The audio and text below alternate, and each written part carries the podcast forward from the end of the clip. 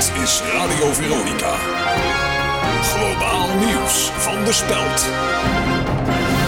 Goedemorgen, ik ben Suzanne Lesquier. De kijker weet het nieuwe BNN-programma Startup te vinden.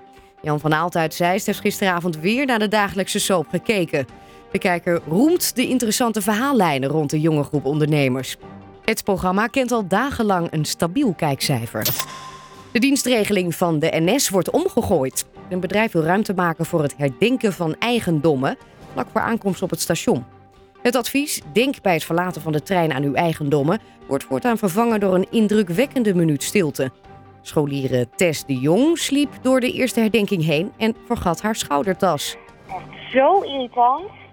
En Onno Hoes is uit het nieuws. Dat maakte zijn woordvoerster vandaag bekend op een persconferentie.